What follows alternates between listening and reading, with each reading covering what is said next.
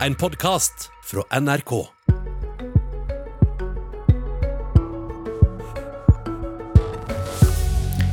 Stortinget fikk all relevant informasjon, mener tidligere oljeminister Ola Borten Moe.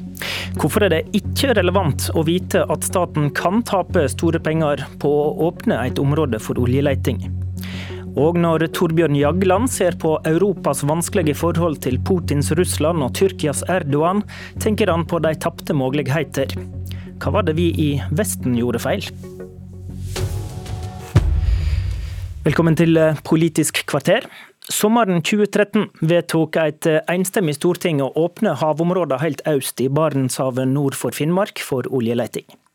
Stortinget fikk vurderinger som tilsa at her lå framtidige milliardverdier, men en rapport med et helt annet økonomisk bilde advarer derimot om at leiting og utvinning i dette havområdet kunne være et tapsprosjekt. Men den rapporten kom aldri videre fra Oljedirektoratet og inn i det beslutningsgrunnlaget som Oljedepartementet sendte til Stortinget. I går ba SV om at kontrollkomiteen ser på hva som skjedde for sju år siden. I 2013 var du oljeminister Ola Borten Moe, du er i dag nestleder i Senterpartiet. Hva visste du om disse økonomiske vurderingene som var gjort? Nei, De var jeg uh, ukjent med. Uh, det var aldri en del av diskusjonen knytta til åpninga av Barentshavet sørøst. Det som derimot ble diskutert heftig, det var jo iskant, det var boretidsbegrensninger, det var kystsoneproblematikk. Og selvsagt òg de mulighetene som lå knytta til eventuelle funn og ringvirkninger. Det var i grunnen Så ukjent, som, sier du. Betyr det at du ikke kjente til at de eksisterte? De her kjente jeg ikke til at det eksisterte. Det vi opererte med, det var jo anslag basert på scenarioer. For det var jo grunn den informasjonen man hadde. Det her er jo snakk om å åpne et område, og det gjør det jo for å finne ut hva det er som eventuelt er der. Det hadde Oljedirektoratet gjort en del vurderinger på, både i forkant av konsekvensutredninga og i etterkant av at det ble skutt litt seismikk, sånn at man hadde et noe bedre eh, grunnlag for å mene noe. Eh, men det som er helt Kjernen i det her, det er jo det at før man åpner et område, så vet man jo heller ikke hva som er der. Og det gjør det jo selvsagt nesten umulig å komme med en slags nåverdiberegning eller verdifastsettelse Så det er, et, det er et irrelevant dokument, da, er det du mener? Nei, det har ikke jeg sagt. Og vi opererte jo også med Nei, nei, det sa ikke jeg. Og vi opererte jo fra regjeringas side med ei verdivurdering. Det var en netto kontantstrøm. og Den store forskjellen på det som ble lagt frem for Stortinget og det interne notatet som lå i i direktoratet, det var jo at sistnevnte var diskontert, altså at man har foretatt en nåverdiberegning. Og jeg tenker vel egentlig det at diskusjonen om hvorvidt du skal diskontere det eller ikke, det er mer en faglig diskusjon enn det er en politisk diskusjon. Hadde du sendt denne rapporten man... til Stortinget dersom du visste om den? Ja, det tror jeg har vært helt uproblematisk. Fordi at man måtte jo da sagt som sant var. Her er det så mange usikkerhetsmoment og det er så mye vi ikke vet at det, har, det her er en informasjon som har svært begrensa om noen verdi.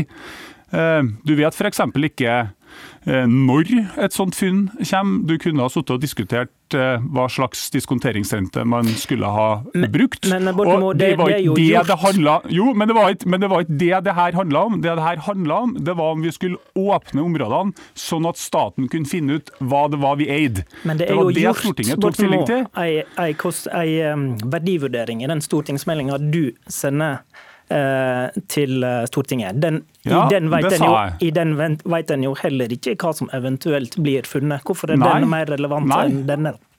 Og det, og det ble jo også understreka i forhold til det, at her er det et enormt utfallsrom. Det er jo alt fra at du ikke finner noen verdens ting. Da er det jo selvsagt eh, ingen verdier der. Og til at man kunne finne eh, kjempestore ressurser som kunne ha skapt enorme, eh, enorme inntekter for det norske samfunnet, sånn som man har sett på øvrige deler av norsk sokkel. Men det vet man jo ikke før man leter. Eh, og Derfor tenker jeg at dette er en diskusjon som på en måte er litt sånn skinndebatt. fordi at De som alltid er imot olje, de mener jo at her er det jo begått forferdelige feil, men de er jo imot olje om det lønner seg også. Og så er jo det spørsmålet Stortinget tok stilling til, det var jo om vi skulle finne ut hva vi hadde i den nye delen av Norge, som vi sikra gjennom den nye delelinjeavtalen med Russland. Folk i ditt departement skrev til en underliggende etat at en skal passe på at Barentshavet sørøst ikke blir snakka ned, og eh, beskjed om å gi en verdivurdering som klart skal indikere at den skal åpne. Hva syns du om at det ble gitt slike føringer? da? Ja, det, det er umulig for meg å kommentere. Eh, for det første så kjente ikke jeg til det. For det andre så er det en del av ei intern saksbehandling i et departement, og delvis mellom et departement og en underliggende etat. Men, men finner departementstilsatte på sånt i et vakuum, eller handler de etter eh, i fall signal da, fra en politisk leding? Ja, Det er i hvert fall ikke etter signal fra en politisk eh, ledelse. Jeg har eh, selvsagt ingen annen intensjon enn å legge fram, eller da da, å legge fram et så komplett beslutningsgrunnlag som overhodet mulig. Og det kan man heller ikke ha som ansvarlig statsråd. Du, eh, du nevnte Russland kort til slutt. Hva, kan du utdype det resonnementet? Nei, altså det her blir jo nå gjort til en diskusjon om vi om vi potensielt kan tape eh, penger. Det er en fullstendig feilslutning etter mitt skjønn. For det fattes jo ingen investeringsbeslutninger basert på verdier som ikke er funnet. Det er det ene. andre var at det her handla ikke debatten om i det hele tatt. Var aldri relevant. Stortinget har for øvrig tatt stilling til dette spørsmålet to ganger i ettertid. Og, senest og, og tanken om Russland var det jeg spurte etter? jo, det var viktig at Stortinget har sagt at de ikke trenger nåverdivurderinger. Eh, men Russland vi inngikk jo delelinjeavtalen med Russland om tidligere omstridt område i 2010. Da fikk vi en ny bit av Norge. Så var det jo det spørsmålet som Stortinget skulle ta stilling til. Det var om det var miljømessig forsvarlig og ønskelig at vi, staten, skulle finne ut hva vi eide i dette området. Det sa et enstemmig storting ja til. Det mener jeg var en helt korrekt avgjørelse. Og jeg er litt overraska over at en del mener at vi ikke skal finne ut hva vi eier i Norge. Takk til deg, Ola Borten Moe. Abonner på Politisk kvarter som podkast og få sendinga rett til din mobil. Velkommen til Politisk kvarter, Torbjørn Jagland. Eh, du snakka i alle kanaler i går om konflikten i Arbeiderpartiet på tidlig 2000-tall. Vi har invitert deg for å snakke litt om utenrikspolitikk. Eh, det er neste bind i sjølbiografien din, som skal handle om den internasjonale karrieren. Men du har en rekke refleksjoner også i denne boka, bl.a. fra da du var utenriksminister på tidlig 2000-tall. Bl.a. om Russland, som vi snakka om nå på slutten her. For 20 år siden skulle Russland bli partner i Europa og verden, men du skriver at Vesten feilrekna håndteringa av Russland etter kommunismen. Hva mener du gikk galt? Ja, Vi hadde jo veldig store forhåpninger da Berlinmuren falt. Det var jo den Historien slo på en måte til i hjertet av eh, den eh, kalde krigen. Det var den som delte Berlin i to, Tyskland i to, Europa i to, hele verden i to. Og så faller den. Og Vesten erklærer eh, seier, som var riktig. Jeg mener Kommunismen feilet, falt sammen. Og det liberale demokratiet sto igjen som seierherre. Men i seiersrusen så glemte man kanskje å tenke på at det er alltid seierherren som bestemmer hva som skal uh, skje. Og uh, man krevde en uh, rask privatisering av statseiendom i Russland, som førte til at oligarkene kom til makten egentlig i Russland, som ikke var til vårt fordel. Det ser vi nå. Og man begynte raskt å ekspandere Eh, østover mot den russiske grense. Så man, da tenker du på Nato? Ja, bl.a. Nato, men selvfølgelig også EU. E eh, og eh, Så det som skjedde, var vel lenge at man tenkte at nå er Russland så sterkt svakt, så nå kan man gjøre hva man vil. Men den amerikanske diplomaten George Kennan, som jo var ambassadør i Moskva gjennom den kalde krigen, og før han døde, Det var han som sendte det såkalte lange telegrammet hjem. Eh, som ble så berømt, men som aldri ble kjent. Eh, om hvordan man skulle demme opp mot kommunismen. Det var bare å holde ut og holde ut. Til slutt så ville den falle sammen, og det var jo det som skjedde. Um, uh, men før han døde, så advarte han mot um, at før eller siden så vil Russland slå tilbake når det blir sterkere. Og det, jo, det er jo det vi har sett eh, nå i mange tilfeller. Tenker du at vi har et medansvar for det i Vest-Europa? Ja, Det er jo alltid seierherren som bestemmer hva som skal skje. Akkurat som seierherrene bestemte hva som skulle skje etter første verdenskrig. Men dessverre gjorde man også da en stor feil. Som den berømte økonomen John Maynard Keynes påpekte.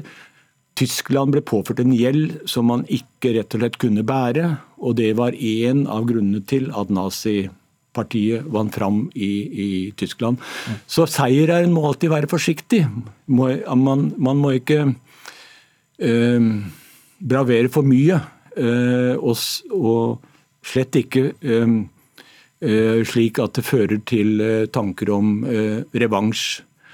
Du fikk for noen år siden kritikk for å gjøre knefall for Putin. Da handla det om at Russland mista stemmeretten i parlamentarikerforsamlinga i Europarådet etter at de gikk inn med militærmakt i Ukraina. og Du var opptatt av å holde Russland i Europarådet og menneskerettsdomstolen. Mener du vi har gått for langt med sanksjoner overfor Russland? Nei, Når det gjelder alle de andre sanksjonene, så har ikke jeg for så vidt noen mening om det, bortsett fra jeg mener én ting. og det er at Norge og Vesten for så vidt er ikke tjent med svakt Russland. Et Russland som ligger på kne. Vi er tjent med et Russland som kan gå fremover, som kan skape velferd eh, og frihet for sine mennesker.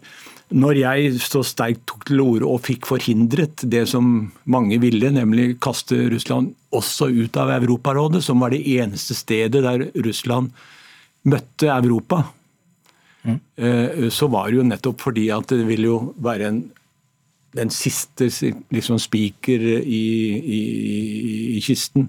Det ville være den siste altså det, Da ville bruddet være totalt. Og det ville være katastrofalt for menneskerettighetsforkjempere i Russland, som jo appellerte til at dette ikke måtte skje, fordi de kunne jo gå til Den europeiske menneskerettighetsdomstolen, som beskyttet eh, dem. Men det tenkte man ikke på, og det var veldig symptomatisk at det kom helt i bakgrunn. Eh, det viktigste var i grunnen bare å, å, å spinne opp spenningen mellom Russland og Europa. Du reiste tidlig til Tyrkia etter kuppforsøket i 2016 og var opptatt av å vise støtte til president Erdogan. De siste dagene bare nå ser vi en voldsom retorisk feide mellom Erdogan og den franske presidenten Macron, etter at sistnevnte forsvarer ytringsfridommen etter det brutale drapet på en lærer. Eh, Erdogan han spiller i større og større grad på islamsk identitet, kritikk av Vesten. Hvordan tenker du vi skal møte det, da? Ja, når jeg reiste dit, så var det ikke for å støtte Erdogan, det var for å støtte demokratiet. Altså Man gikk jo til eh, angrep med tanks på det tyrkiske parlamentet. Og det er klart at det måtte vi ta avstand fra. Hvordan møter vi det i dag?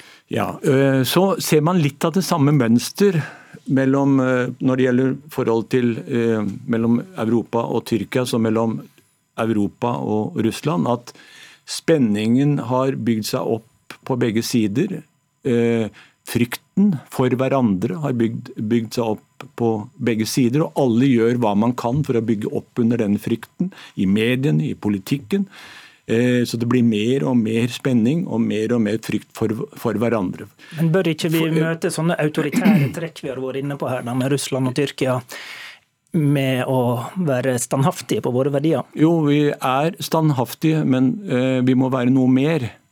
Vi må jo forsøke også å sette seg inn i situasjonen på den andre siden. Det som jo er problemet i dag, det er at i Russland så kan man overhodet ikke tenke seg at vi ser på Russland som en fiende. I her i Norge og Vesten kan vi overhodet ikke tenke oss at de ser på oss som en fiende. Så svart-hvitt eh, er bildet blitt. Og Når det gjelder Tyrkia, så var jo Tyrkia på vei eh, det hadde jo en ambisjon, sterk ambisjon om å komme med bl.a. i EU. Det var en positiv utvikling. Og Det er helt riktig som du ser nå, at Eidogan er veldig nasjonalistisk og eh, spiller på eh, islam. Men man må huske på en annen ting som skjedde. Det var jo at den franske presidenten sa EU er kun for kristne land. Der skjedde det noe. Sånn, og så har vi gradvis fått denne konflikten mellom Og der islam og og, vi stoppe og, og det dagens kristne Europa. historietime. Takk til deg, Jagland, i studio, Håvard Grønberg. Du har hørt en podkast fra NRK. Hør flere podkaster og din favorittkanal i appen NRK Radio.